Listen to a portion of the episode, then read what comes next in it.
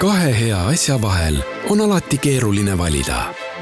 kas eelistada uusimat tehnoloogiat või elegantsemat välimust? uue Toyota Camry täishübriidelektriautoga on valik lihtne. See on lipulaeva elegants, mugavus ja turvalisus. uus Camry Hybrid koos viimase põlvkonna Toyota Safety Sense ohutuspaketiga. Camry Executive on nüüd eriti hea tutvumispakkumisega. vaata lisa toyota.ee. kuku raadios välja öeldud seisukohad ei pea ühtima Kuku raadio seisukohtadega. Te kuulate Kuku raadiot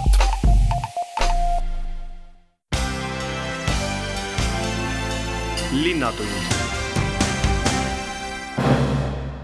Tere päevast, Linnatund alustab. stuudios on saatejuht Ulla Lents ja ütlen kohe tere meie tänasele esimesele vestluskaaslasele, kelleks on Tallinna linnavolikogu revisjonikomisjoni esimees Anto Liivat, tere Anto.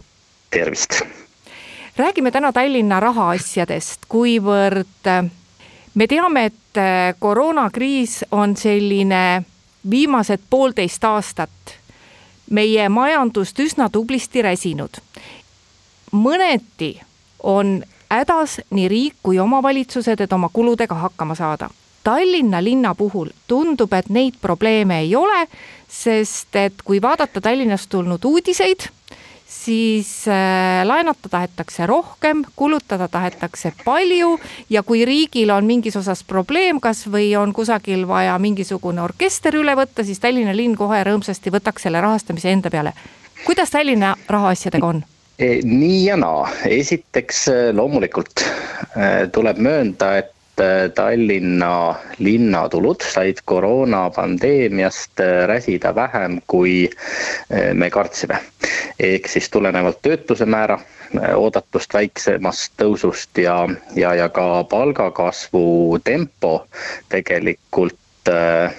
ei langenud nii palju, kui me kartsime, siis möödunud aasta tulumaksu laekumine kujunes tõesti prognoositust isegi paremaks. ja samuti on Tallinna linna puhul oluline ära märkida, et Tallinna linna netovõlakoormus on ainult viisteist protsenti eelarvestrateegia järgi võiks see tõusta kuni neljakümne protsendini, nii et tõepoolest Tallinnal on laenuvõimekust. reitinguagentuur Fitch on Tallinna linna väljavaateid hinnanud AA miinus koodiga, mis, mis tegelikult tähendab seda, et Tallinnal finantsvõimekust teha vajalikke investeeringuid, sealhulgas pandeemia mõjude leevendamiseks kindlasti on. samas, mis on murettekitav, on see, et sõnad ja teod ei lähe alati kokku. kui me tõesti ühest küljest nagu sa, Ulla, mainisid, räägime sellest, et Tallinna linn on valmis kulutusi tegema,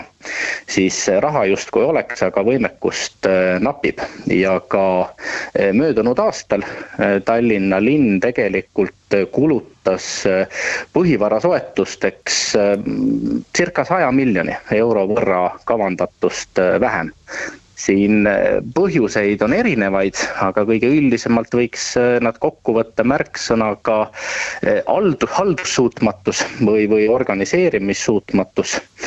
paljud protsessid venivad, otsused venivad, räägime me siin detailplaneeringute kooskõlastamisest ja plaanitust pikemast menetlemisest, erinevate lisanõuete esitamisest, uuringut õppest, mis ei saa tehtud õigel ajal,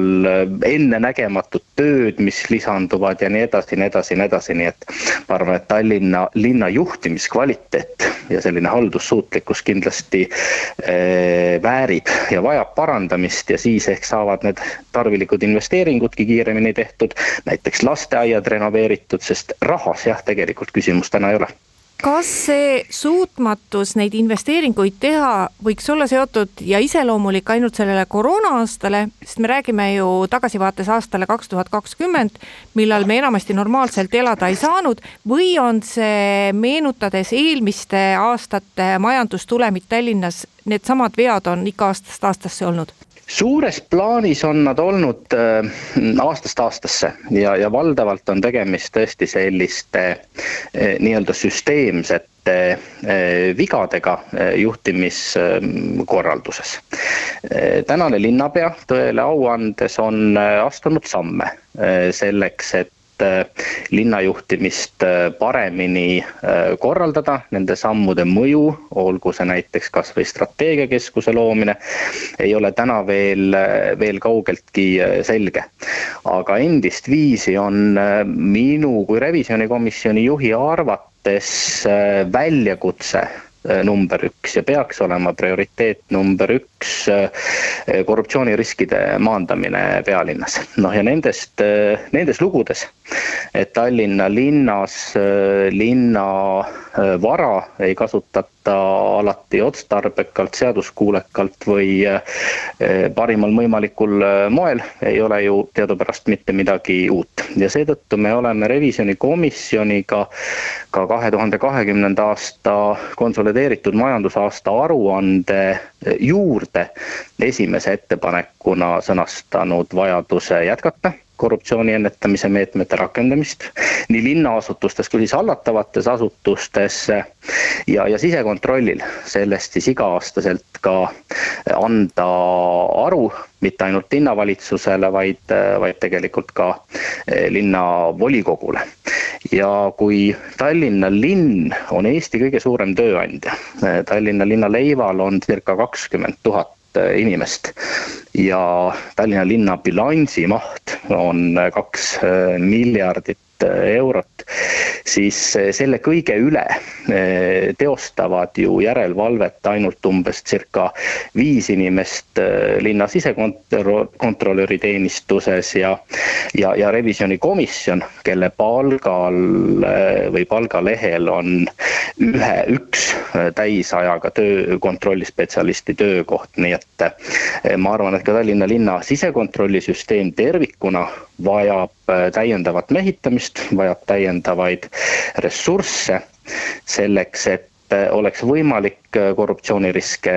tõhusalt maandada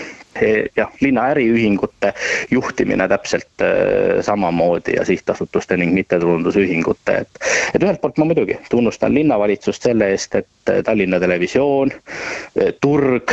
ja pank on leidnud oma loomupärase lõpu, aga,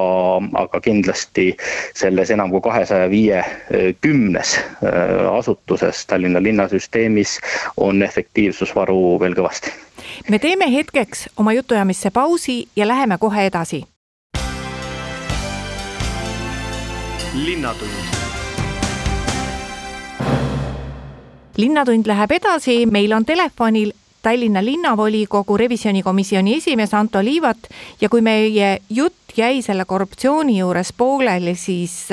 vaat see on see kurblooline asi, et Eestis üldiselt, kui me vaatame igasuguseid rahvusvahelisi võrdlustabeleid, siis üldiselt Eesti ei ole korruptiivne riik. et Eestis ei peaks olema korruptsiooniga suuri probleeme. kahjuks on nii, et kui üks või teine märkimisväärselt suur juhtum välja tuleb, siis väga sageli, väga sageli on see seotud just Tallinna linnaga. et äh, minu küsimus siit, et kui äh, pandi püsti strateegiakeskus, mis ära seletatult on ju ikkagi Tallinna linna uus juhtimismudel, et kas siis äh, kontrollimehhanism jäi nagu läbi mõtestamata, et see toimub samamoodi või selle üle ei arutletud siis või kus see viga on? Äh, jah, äh, tõepoolest. Linna juhtimismudeli uuendamisel linnapea Mihhail Kõlvart ja eh, linnavalitsus on jätnud sisekontrollisüsteemi eh, kaasajastamise ja linna vajadustega vastavusse viimise täiesti tähe, tähelepanuta. minu hinnangul on sisekontrollisüsteem alamehitatud ja, ja ka alarahastatud ja need tähelepanekud on siis ka revisjonikomisjoni linnavolikogule esitatavas aruandes kirjas ja, ja, ja selgelt ka välja toodud, nii et ma loodan, et õige pea leitakse Tallinna linnas ka võimalused selleks, et Äh, nii sisekontrolöri teenistusele kui revisjonikomisjonile ikkagi tagada piisavad ressursid oma ülesannete täitmiseks ja, ja, ja sealhulgas ka vahendid äh, täiendavat ekspertiisi vajavat analüüside ja auditite äh, sisseostmiseks, sest see kõik lõpuks on ikkagi linlaste huvides, kuigi võib kõlada tehnokraatlikult, on küsimus ei milleski muus kui selles, kas linlaste maksuraha kasutatakse läbipaistvalt, otstarbekalt ja seaduskuulekalt arvata, et umbes kümmekond inimest suudavad tõhusalt teostada kontrolli äh, kahe miljardi euro suuruse bilansimahuga äh, organisatsiooni üle, kus on enam kui kakssada viiskümmend allasutust, äh, on muidugi uskuda natukene naiivne. No õige pea me hakkame valima uut Tallinna linnavolikogu ja ma arvan, et see suvi ja eesseisev sügis äh, toob meile kaasa palju erinevaid äh, debatte, et kui ma saaksin või meie erakond saaks Tallinnas võimule, mis siis kõik paremaks läheks. Äh, Tallinn on, nagu sa korduvalt rõhutasid, väga suur organisatsioon ja kui seal eesotsas on ka uus koalitsioon või uus partei, kes valimised võidab, siis ükskõik kui palju häid ideid ka ei oleks oma tegevuses saab toetuda täna olemasolevale ametkonnale ja täna paika pandud toimimismehhanismidele. kui raske on Tallinna paati, kui ta ühes suunas liigub, ümber keerata, kas seda üldse jõuab ühe valimiste vahega teha? võib-olla seda paati ei olegi tarvis ümber keerata, aga, aga kindlasti oleks vaja üle vaadata see, eh, miks eh, paat liigub Äh, vähemalt mõnedel liinidel äh, nii aeglaselt, kui ta, kui ta liigub. no ühe markantse näitena kasvõi siis see, et, et kui me mõtleme paari-kolme aasta taguse linnatranspordi aktsiaseltsi peale, kus praktiliselt puudus igasugune digitaalne asjaajamine, kus ei teostatud tõhusat sisekontrolli, kust me mäletame, et paari miljoni euro ulatuses oli võimalik varuosi pihta panna ja me ei tea, kas see on kõik. siis, äh, siis need on üsna kõnekad juhtumid ja nendest ei ole ülemäära palju aega, aega möödas. ehk siis äh, kindlasti äh, on palju asju, mida saaks teha paremini ja teistmoodi ja ega ühtegi tõhusamat ravimit kui äh, koalitsioonivalitsus ei äh, ole, et lõpuks saab kõik ikkagi linna tippjuhtimisest äh, alguse ja ka sellest, kuidas me siis erinevaid otsustuskogusid ja juhtorganeid mehitame. näiteks on Tallinna linnavalitsus olnud ülitõrges linna valitseva mõjuga ettevõtete ja, ja, ja sihtasutuste nõukogude mehitamisel kaasama sinna inimesi nende ekspertsuse ja kogemuse järgi ning eelistanud pelgalt parteilise lojaalsuse järgi nimetamist, nii et aga need asjad on lahendatavad tõesti ainult siis, kui valimistulemus lubab Tallinnas koalitsioonivalitsuse moodustada no sa nimetasid ka meie jutuajamise alguses, et Tallinnal ei ole probleeme laenata, sest Tallinna laenukoormus on palju väiksem, kui tegelikult Tallinna laenuvõimekus on. teine asi on see, et ükskõik milleks ei ole mõtet laenata, et laenata tuleb siis, kui sul on hea investeering mõttes, et äh, kas äh, Tallinna, no tegelikult Tallinna eelarvestrateegia juba on ka avalikkuse ette tulnud, et kas Tallinnas on neid häid mõtteid äh, praeguse linnavalitsuse poolt kavandatud, et kui laenata, siis milleks laenata? Ma ei tea, mida täpselt on kavandatud linnavalitsuse poolt, küll aga ma tean eh, seda, mis on kirjas eh, eh, Tallinna uues strateegias ja, ja, ja see strateegia on hea dokument. nii et kui uuel linnavalitsusel jätkub söakust ja poliitilist tahet pürgida nende eesmärkide suunas, mis Tallinna strateegias aastani kaks tuhat kolmkümmend viis kirjas on, siis ideid tegelikult on. Ja lõpetuseks veel, Anto, Tallinn on ka toetanud koroonakriisi ajal ettevõtteid. kas, kas meil täna on olemas analüüse selle kohta, noh, see, neid toetusmeetmeid on veel pikendatud, kas meil täna on olemas ka analüüse selle kohta, et kas see raha läks õigesse kohta ja et võib-olla, võib-olla on meil veel valdkondi, kuhu tuleb panustada, võib-olla meil on veel selliseid äh, ettevõtlusvaldkondi, mis on koroona ajal nagu nii palju saanud kannatada, et nad ei tõusegi ise jalule. ja mille puhul see Tallinna linnapoolne tugi, kui nad on Tallinna linna territooriumil tegutsevad ettevõtted, oleks ikkagi vajalik, et me tahaksime, et sellised ettevõtted meil olemas oleksid minu teada rakendatud meetmete mõjuanalüüsi äh, teostatud ei ole. Äh, küll aga, aga seda oleks, oleks paslik teha. Ja, ja, ja mõningaid nendest meetmetest ja meetmete mõjudest ma usun, et revisjonikomisjon jõuab veel käesoleva volikogu koosseisu volituste ajal, ajal ka, ka arutada. küll aga tuleks selliseid äh, meetmeid muidugi kavandada äh, riigiga äh, koostöös. Kui me võiksime eeldada, et olukorras, kus ähm, Keskerakond on koalitsioonis nii riigis kui linnas, on riigi ja linna koostöö suurepärane, siis nagu me teame ka avalikkuses peetavatest debattidest, kas või näiteks sellesama Äh, orkestri teemadel, äh, mida sa mainisid, siis see sugugi alati, alati nii ei ole, et, et ma arvan, tõhusad ettevõtlusmeetmed on küll sellised, mida tuleks eelkõige rakendada äh, linna ja, ja riigi koostoimes.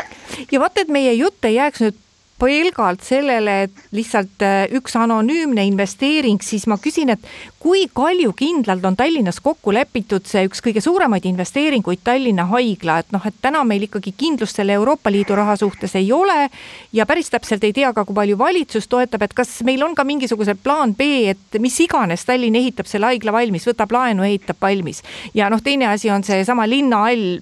mille puhul nagu enam ei usugi, et sellest kunagi midagi võib saada. et kas täna on midagi paika pandud? Mm, minu teada paika pandud äh, lõplikult ei ole, noh kindlasti Tallinna linnal võiks olla suutlikkus sellesse projekti panustada ilma äh, suuremate muredeta suurusjärgus sada miljonit eurot, aga noh, see olenevalt siis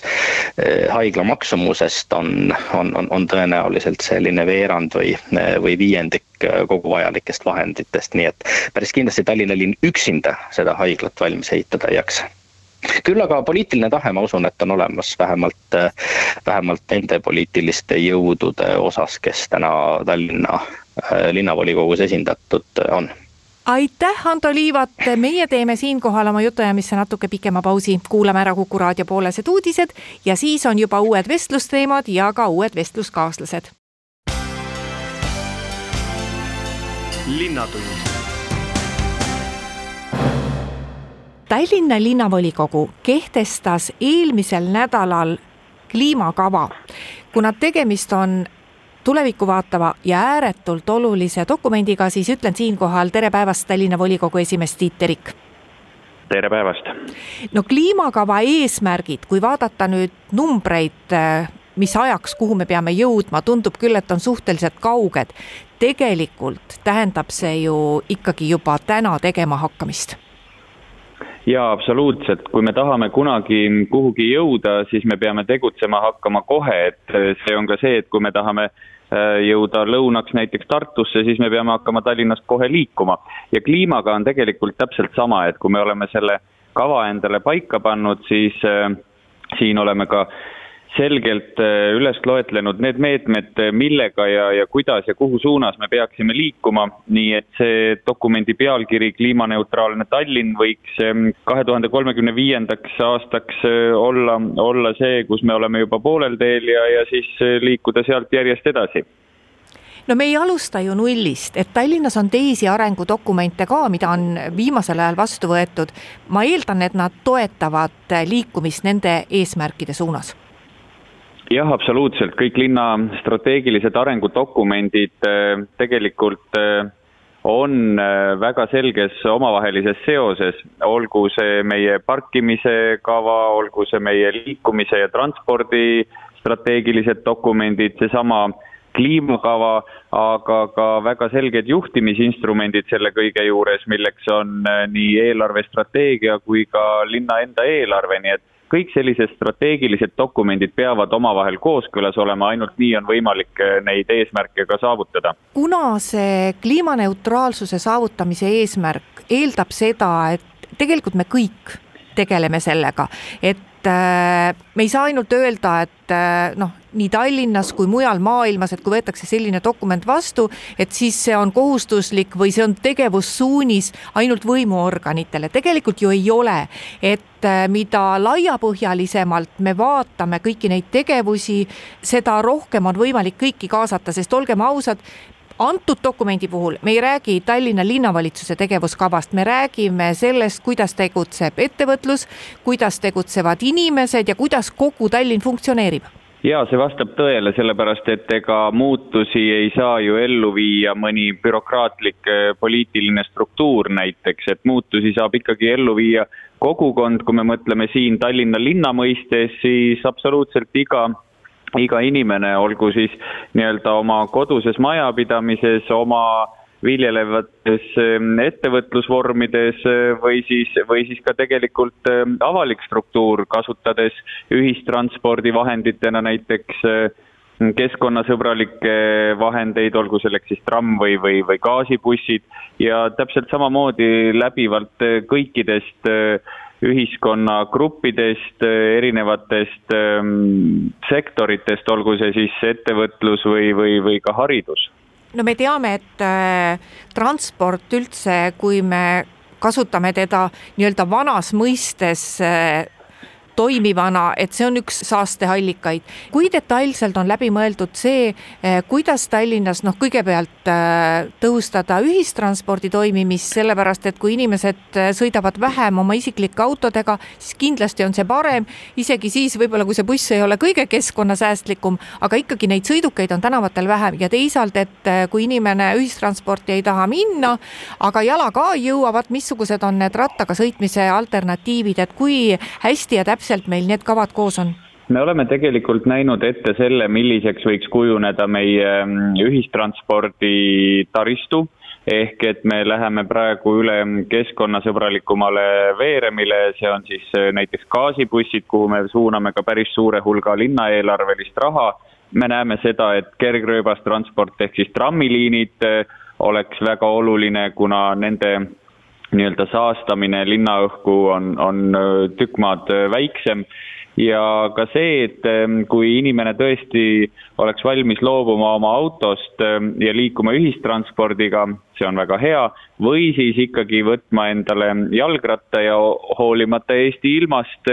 saaks ikkagi liikuda võimalusel läbi aasta jalgrattaga oma, oma teid ja tegemisi teha. Ja, ja täna siin linn on väga selgelt ka äh, vaatamas äh, oma tegevuste ja eelarvega selles suunas, et jalgrattaga liikumine Tallinnas võiks olla äh, parem, mugavam, et äh, autostumist vältida. sest kui me tegelikult autostumisest räägime, meil on erinevatel hinnangutel tuhande elaniku kohta siis kuskil nelisada kuni viissada kakskümmend autot, noh, põhimõtteliselt igal teisel Tallinna elanikul on auto, mida on ülemäära palju. Kui me soovime seda hulka vähendada, siis äh, ilmselge on see, et, et ühistransport ja ka tõusev trend äh, ratta osas äh, on see, mille poole vaadata. ja kui, kui öelda seda, et inimesed kasutavadki autot rohkem ja jalgrattaid vähem, siis noh, ma arvan, et siin on see võrdlus paslik, et, et see taim, mida sa kastad, see ka kasvab ja kui me oleme täna suunanud väga palju vahendeid autoliikluse mm, parandamiseks, teede ehituseks, siis on ilmselge, et, et äh, seda kasutatakse ehk rohkem ka sellel põhjusel, aga jalgrattateede osas me oleme alles siin viimasel perioodil äh, hakanud üha rohkem sinna panustama ja me tegelikult, äh, ma usun, et näeme ka seda, et, et jalgrattaga liikumine saab üha, üha populaarsemaks. kui palju nõuab see koostööd teiste omavalitsustega, sest et eh, Tallinnasse tulevad ümbritsevatest omavalitsustest tuhanded inimesed hommikul tööle ja vaat seal võib küll juhtuda nii, et iga pereliige tuleb oma autoga, sellepärast et ühistransporti alternatiivina praktiliselt ei ole. Harjumaal toimib ühistransport nii halvasti, et inimesed ei saakski tööle, kui nad ühistransporti peaksid kasutama, aga ma arvan, et nad kasutaksid, kui see hästi liiguks, sest ikkagi mitme auto pidamine on pagana kallis kas kunagi võiks jõuda ka selles osas omavalitsustega koostööle? see on hästi oluline küsimus, et omavalitsused äh, ka ühistranspordi vallas äh, rohkem koostööd teeksid. meil on siit äh, näide võtta Viimsi suunalt, kus ähm, bussid üks ja üks A minu meelest on need numbrid, mis käivad ju ka Viimsi keskusesse ja, ja on võimalik välja vahetada oma auto ühistranspordi vastu, kui tulla suurest Viimsi vallast Tallinna linna oma asju ajama, aga kus täna on probleeme, on kindlasti mm, Tabasalu ja Harku suunalt, ma usun, et seal võiks, võiks see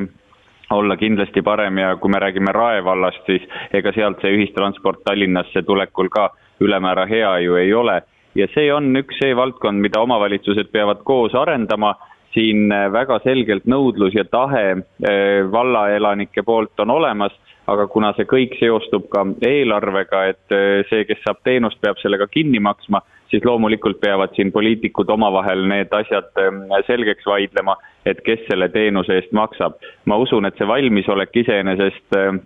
elanikel ühistransporti kasutada on, on päris selgelt olemas no dokument räägib ka looduspõhiste lahenduste kasutamisest linna planeerimises. kuidas meil selles vallas praegu on ja kas vaat selles osas on suur töö veel ees? no selles äh, vallas on tõepoolest suur töö ees, kui me mõtleme kliimamuutusi, mis äh, on ka kui me mõtleme selle peale, et, et vihma sajab, siis meil tekivad suured lombid, teinekord ei võta äh, ühisveevärk või, või kanalisatsioon seda kõike vastu, kui me suudame linnas tekitada ka selliseid alasid, mis selle sadevee kohe endasse imavad ja vähendame sellega oma kanalisatsioonide koormust, siis on see üks võimalus. teine võimalus selliste mm, kuumasaarte tekkimise vältimiseks on samuti väga oluline, kui me mõtleme just linna planeerimise osas, sest kui temperatuur tõuseb, noh, nii nagu inimeselgi mõjutab ka väikene tõus juba enesetunnet ja linnakeskkonnas tõenäoliselt seda enam. nii et tegelikult see planeerimise küsimus on, on väga selgelt see, millega peaks, peaks tegelema, sest kui me mõtleme kliimakavale antud eh, tagasisidet, siis rohealade temaatika oli autostumise ja jalgrattataristu juures üks kõige enam äh, tagasisidet saanud valdkondi, nii et äh, see rohealade teema läheb inimestele väga korda ja üks äh, oluline märksõna, mida ka siin oleks paslik välja tuua, on see nii-öelda katkematu rohevöönd või, või, või selline rohekoridor, mida täna Putukaväila nime all äh, Tallinna linn on äh, planeerimas ja tegemas ja ka erinevaid äh, parke, kuhu, kuhu raha suunatakse, et kui me räägime sellest, millised on üldse need linnaeelarvelised prioriteedid praegu olnud, kuhu me raha paneme, siis noh, loomulikult on, on siin erinevate ühistranspordi teemade kõrval põhjust rääkida ka Tondiraba pargist, kuhu läheb kuus miljonit, Putukaväilast äh, siin null koma kaks miljonit ja tegelikult ülejäänud parkidesse veel pea viis miljonit, nii et see rohekeskkond Tallinna linna inimese jaoks on hästi oluline. linnatund ilusad suvised ilmad kestavad juba tükk aega ja kuhu siis sellise ilmaga ikka helistada kui Piritale. tere päevast, Pirita linnaosa vanem Tõnis Liinat. tere päevast. no kui populaarne koht Pirita rand juba on? no Pirita rand on ikka üks äh, Tallinna esindusrande ja siin tõesti käib äh, üle linna kui ka linnast väljaspoolt inimesi äh, suve nautimas ja nii-öelda oma stressi maandamas äh, liivaribade peal, et äh, kas siis äh, päevitades või ujudes sellel aastal tuli rannahooaeg väga ruttu, sest et ilmataat ise tegi selleks kõik, mis võimalik. kuidas teie hakkama saite, et rand oli selleks ajaks, kui rahvamassid sinna oma tee seadsid, juba ilusasti valmis? Tegelikult äh, meie alustasime juba rannahooaja ettevalmistust aprillikuu keskpaigast ja me jõudsime ranna heakorraga valmis saada esimeseks maiks, mis ametlikult tegelikult äh, randades ju avatakse esimesel juunil, aga meie olime juba valmis viisteist mai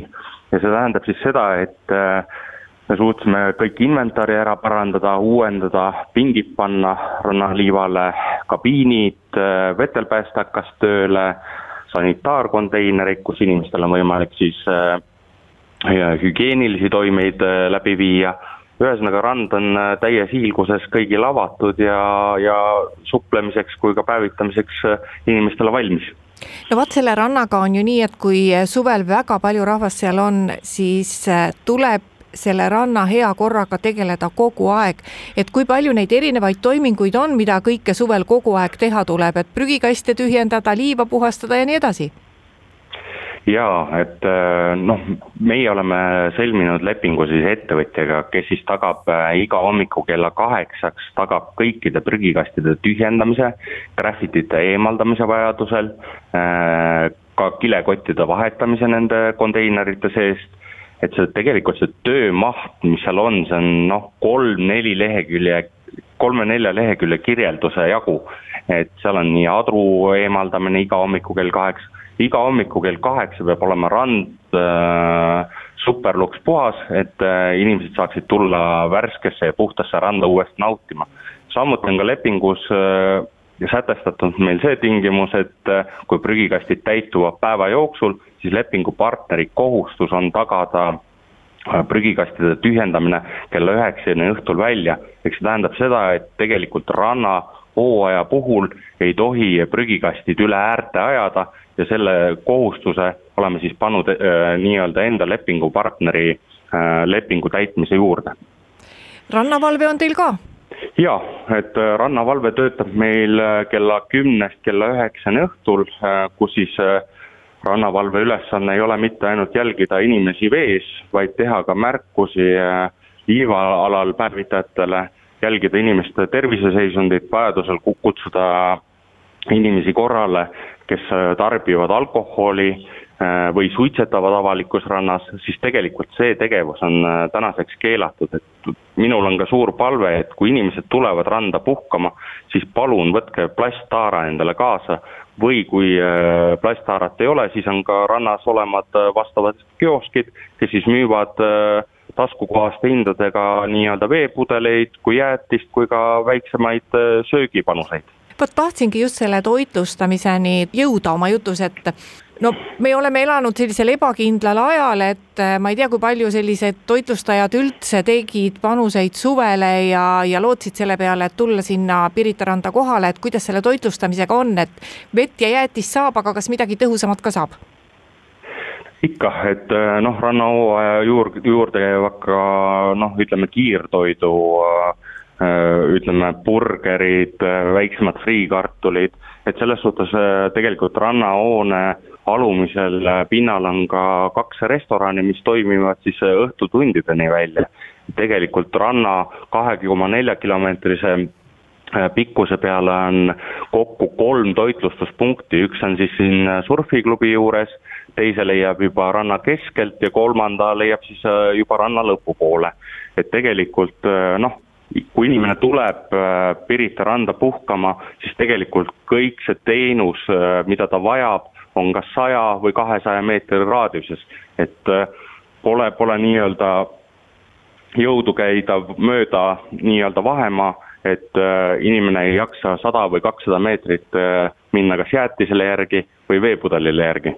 kuidas parkimisega on, kuhu saab parkida ja kas see on ka suureks probleemiks, kui suur hulk inimesi tuleb ühe korraga suure hulga autodega sinna? No tegelikult me oleme eelistanud seda, et eh, kui inimesed tulevad puhkeranda, siis eh, me oleme palunud ja, ja mitmes pressiteates ja avalikes kanalites ka öelnud, et tulge Pirita randa puhkama kas ühistranspordiga, jalgrattaga, selle jaoks on loodud erinevaid eh, hoidmiskohti, valveteenuseid, et inimesed ei pea muretsema, et nende ratas jääb hooleta või valveta. et kui me nüüd räägime mootorsõidukite parkimisest, jah, neid kohti on ka, aga paraku kõik autod ei mahu rannajoonel ära, et noh, esimene parkla on meil siinsamas jõetribüünide ääres, mis mahutab keskeltläbi kuskil kaheksakümmend autot teine parkla on meil Supluse puiesteel, mis mahutab circa kakskümmend viis autot ja Mäe-Kaasiku tee parkla, kus siis äh, tõesti mahub äh, circa kaheksakümmend autot. et tegelikult see number, kuhu me küündime, on tegelikult sinna kahesaja ligi, ligi lähedale. tegelikult äh, see on päris suur arv mootorsõidukite parkimisvõimalusteks, et kui ikkagi, ma toonitan veel kord üle, et kui inimesed tulevad puh-, puhkeranda puhkama, siis tulge ikkagi äh, ühistranspordiga või kergliiklus, äh, kergliiklusteed pidi jalgratastega või tõukeratastega, sest kõik võimalused on selleks loodud.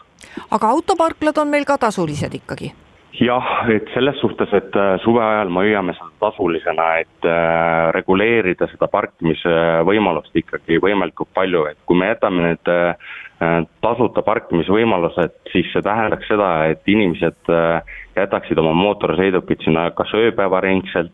et noh, sest inimene tarbib alkoholi ja ta mõtleb oma auto siis nii-öelda parklasse, et, et kui inimene tuleb autoga, siis me eeldame seda, et inimene läheb ka mootorsõidukiga hiljem minema ranna tegevuse üle peab korda rannavalve, aga arvestades, et meil on valgete ööde aeg, meil on ilusad suvised ilmad, siis inimesed kindlasti liiguvad praegu väljas palju rohkem ja palju kauem kui talvisel ajal. ja kindlasti on aktiivset tegevust seal rannas ka siis, kui päike on juba looja läinud, et kogu Pirital üldse, kui palju suveperioodil tuleb täiendavalt panustada korrakaitsesse, et on teil seal täiendavalt väljas ka munitsipaalpolitseid, päris politseid, kuidas sellega on, kuidas selle korra rikkumisega üldse on, et on see, on see probleem? jaa, eks ta mingil määral ikka on äh, noh, aastaringine probleem olnud, aga sellel aastal me oleme siis tõesti äh, viinud ostumenetluse läbi, kus me siis võtame äh, nii-öelda praegusest hetkest kuni siis septembri lõpuni võtame lisaturva, turvafirma appi, kes siis patrullib pärast kella kümmet kuni kella kolmeni öösel välja, kes siis jälgib kergliiklusteedel, et inimesed äh, oleksid viisakad, ei lõhuks linna inventari, ei sodiks äh, prügikasti graffititega ja oleks kõik hea kord kui ka rahulolu teiste poolt tagatud. noh, kui me võtame täna seda, et ka Pirita rannametsa kergliiklusteel on äh, valminud ka valgustus, siis tegelikult see on tõstnud väga palju seda turvalisust, et äh, inimesed ei julge enam nii palju linnamööblit lõhkuda, sest kõik on tegelikult kergliiklusteedelt nähtav.